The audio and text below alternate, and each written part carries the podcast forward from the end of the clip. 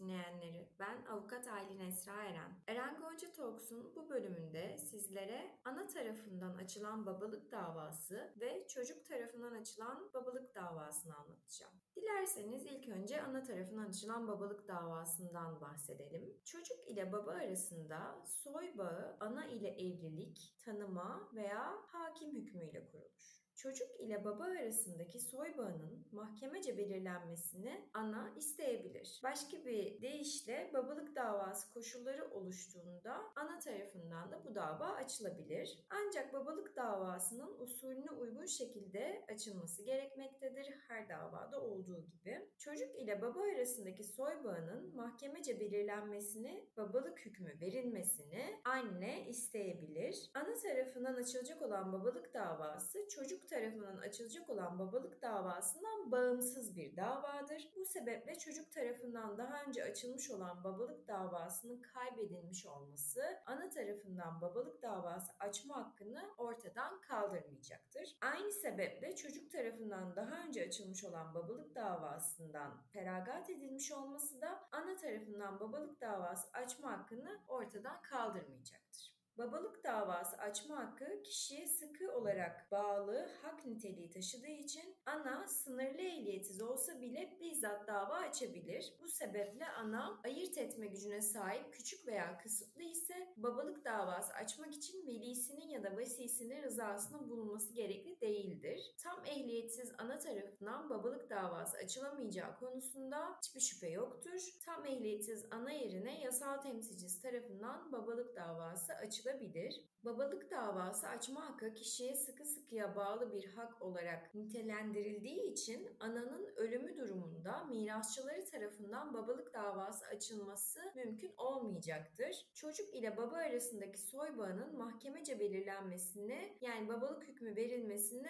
ana isteyebileceği için ananın fücur ürünü doğum yapmış olması sonucu etkili değildir. Ana tarafından açılan babalık davası babaya, baba ölmüşse mirasçılarına karşı açılabilir. Babalık davası Cumhuriyet Savcısına ve hazineye, dava ana tarafına açılmışsa kayyıma ihbar edilir. Davalının çocuğun doğumundan önceki 300. gün ile 180. gün arasında ana ile cinsel ilişkide bulunmuş olması babalığa karine sayılır. Bu sürenin dışında olsa bile fiili gebe kalma döneminde davalının ana ile cinsel ilişkide bulunduğu tespit edilirse yine aynı karine geçerli olacaktır. Davalı çocuğun babası olmasının olanaksız haksızlığını veya bir üçüncü kişinin baba olma olasılığının kendisininkinden daha fazla olduğunu ispatlarsa bu karine geçerliliğini kaybeder. Babalık davası çocuğun doğumundan önce veya sonra açılabilir. Ananın dava hakkı doğumdan başlayarak bir yıl geçmekle düşer. Dava kendi adına asaleten çocuğa velayeten davacı ana tarafından süresinde açılmamış olsa bile bu dava için küçüğe kayyım atanarak kayyımın davaya iştiraki sağlanmış ise çocuk açısından davanın süresinde olduğu nazara alınmadan hak düşürücü sürenin geçtiğinden bahis de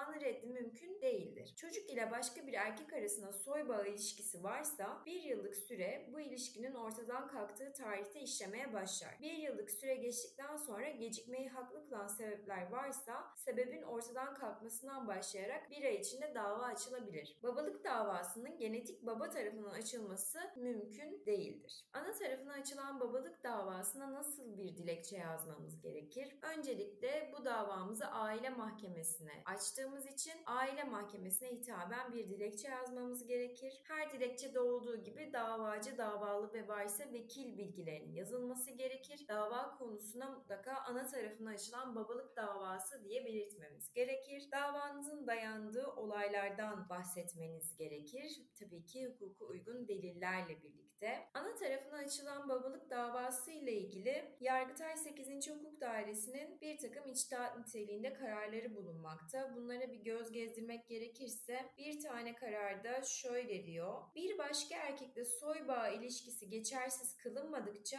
babalık davasının dinlenmesi mümkün değildir. Babalığın hükmen tespiti davası açan kişinin bir başka erkekle soy bağı ilişkisi geçersiz kılınmadıkça babalık davasının dinlenmesi mümkün değildir. Dolayısıyla babalığın tespiti talebinin eldeki dosyadan tefriki ile başka bir esasa kaydedilerek soy bağını reddi davasının sonucu beklenip bir karar verilmesi gerektiğinin düşünülmemesi doğru görülmemiştir. Yargıtay 8. Hukuk Dairesi'nin bir başka kararında ise şöyle diyor. Gerçek annenin tespit edilmesi sonrasında babalık karinesine dayalı olarak babanın belirlenmesi mümkündür. Herhangi bir sebeple çocuğun kendisini doğuran kadının dışında bir başka kadının nüfus kütüğüne yazılmış olması çocuk ile kadın arasında soy bağı kurulduğu anlamına gelmeyecektir. Ancak söz konusu yanlış kaydın düzeltilmesi soy bağı davaları ile değil açılacak kayıt düzeltme davası sonucunda gerçekleşecek ve bu dava her türlü delil ile ispat edilebilecektir. Eldeki dava ana ile soy bağının kurulması yani diğer bir deyişle doğuran kadının tespit edilmesi halinde çocuk ve doğuran kadın arasında soy bağı doğrudan kurulacağına göre davalı Selçuk'u doğuran ananın öncelikle belirlenmesi gereklidir. Gerçek annenin tespit edilmesi sonrasında ise babalık karinesine dayalı olarak babanın belirlenmesi mümkündür demiştir.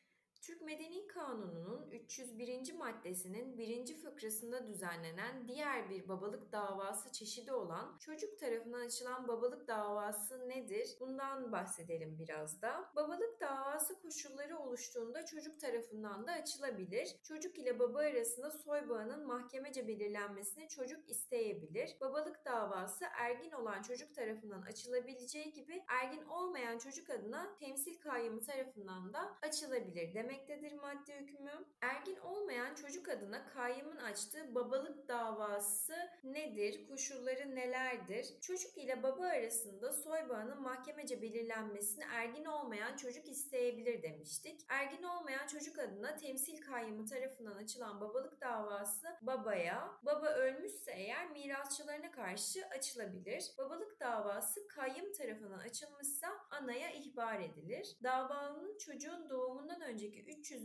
gün ile 180. gün arasında ana ile cinsel ilişkide bulunmuş olması babalığa karine sayılır. Bu sürenin dışında olsa bile fiili gebe kalma döneminde davalının ana ile cinsel ilişkide bulunduğu tespit edilirse aynı karine geçerli olacaktır. Davalı çocuğun babası olmasının olanaksızlığını veya bir üçüncü kişinin baba olma olasılığının kendisininkinden daha fazla olduğunu ispatlarsa karine geçerliğini kaybedecektir. Babalık davası çocuğun doğumundan önce veya sonra açılabilir. Çocuğa doğumdan sonra kayyım atanmışsa çocuk hakkında bir yıllık süre atamanın kayyıma tebliğ tarihinde hiç kayyım atanmamışsa da çocuğun ergin olduğu tarihte işlemeye başlardı. Fakat bu karar Anayasa Mahkemesi'nin 2010 tarihli kararıyla iptal edilmiş. Şöyle diyor kararda çocuğa doğumdan sonra kayyım atanmışsa çocuk hakkında bir yıllık süre atamanın kayyıma tebliğ tarihinde hiç kayyım atanmamışsa çocuğun ergin olduğu tarihte işlemeye başlar demiştir. Çocuk ile başka bir erkek arasında soy bağı ilişkisi varsa bir yıllık süre bu ilişkinin ortadan kalktığı tarihte işlemeye başlayacaktır. Bir yıllık süre geçtikten sonra gecikmeyi haklı kılan sebepler varsa sebebin ortadan kalkmasından başlayarak bir ay içinde dava açılabilirdi. Fakat bu fıkrada Anayasa Mahkemesi'nin 2012 kararı ile çocuk yönünden iptal edilmiş. Artık yasada babalık davası yönünden çocuk için hak düşürücü süre bulunmamaktadır. Peki ergin çocuk tarafına açılan babalık davası özellikleri nelerdir? Biraz da bundan bahsedelim. Çocuk ile baba arasındaki soy bağının mahkemece belirlenmesini ergin çocuk isteyebilir demiştik. Ergin çocuk tarafından açılan babalık davası babaya, baba ölmüşse de mirasçılarına karşı açılabilir. Davalının çocuğun doğumundan önceki 300. gün ile 180. gün arasında ana ile cinsel ilişkide bulunmuş olması babalığa karine sayılır. Bu sürenin dışında olsa bile fiili gebe kalma döneminde davalının ana ile cinsel ilişkide bulunduğu tespit edilirse aynı karine geçerli olur. Davalı çocuğun babası olmasının olanaksızlığını veya bir üçüncü kişinin baba olma olasılığının kendisininkinden daha fazla olduğunu ispatlarsa karine geçerliğini kaybedecektir. Babalık davası çocuğun doğumundan önce veya sonra açılabilir. Çocuğa hiç kayyım atanmamışsa bir yıllık süre çocuğun ergin olduğu tarihte işlemeye başlayacaktır. Çocuk ile başka bir erkek arasında soy bağı ilişkisi varsa bir yıllık süre bu ilişkinin ortadan kalktığı tarihte işlemeye başlar. Artık yasada çocuk için hak düşürücü süre bulunmamaktadır demiştik. Peki Çocuk tarafından açılan babalık davası açarken nasıl bir dilekçe hazırlamamız gerekiyor? Dilekçemizi aile mahkemesine hitaben yazmamız gerekiyor. Her dilekçede olduğu gibi davacı, davalı ve varsa vekil bilgilerine yer vermemiz gerekiyor. Dava konusuna mutlaka çocuk tarafından açılan babalık davası olarak belirtmemiz gerekiyor. Davamızın dayandığı olayları hukuka uygun delillerle birlikte açıklamamız gerekiyor. Çocuk tarafından açılan babalık davası ile ilgili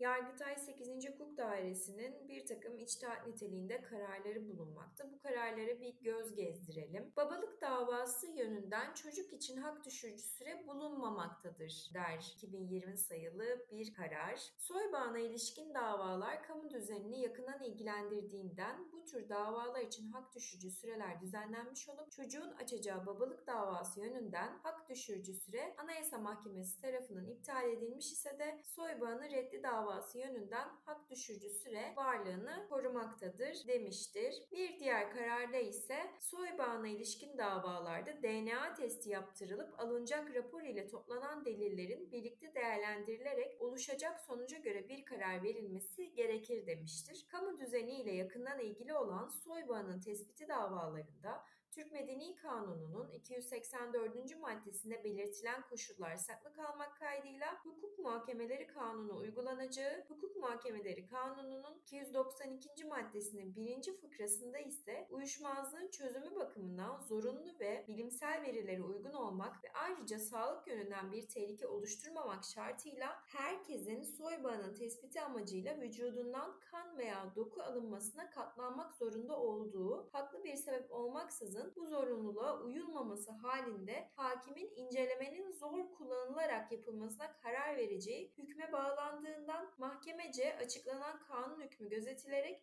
somut olaydaki iddia ile ilgili olarak DNA testi yaptırılıp alınacak rapor ile toplanan delillerin birlikte değerlendirilerek oluşacak sonuca göre bir karar verilmesi gerekirken eksik araştırma ve inceleme ile davanın kabulü doğru görünmemiştir şeklinde karar verilmiştir. Evet sevgili Law Podcast dinleyenleri. Eren Gonca Talks'un bu bölümünde sizlere ana tarafına açılan babalık davası ile çocuk tarafına açılan babalık davası hakkında kısa, özet bilgiler vermeye çalıştım. Bir sonraki bölümde farklı konularda görüşmek üzere. Hoşçakalın.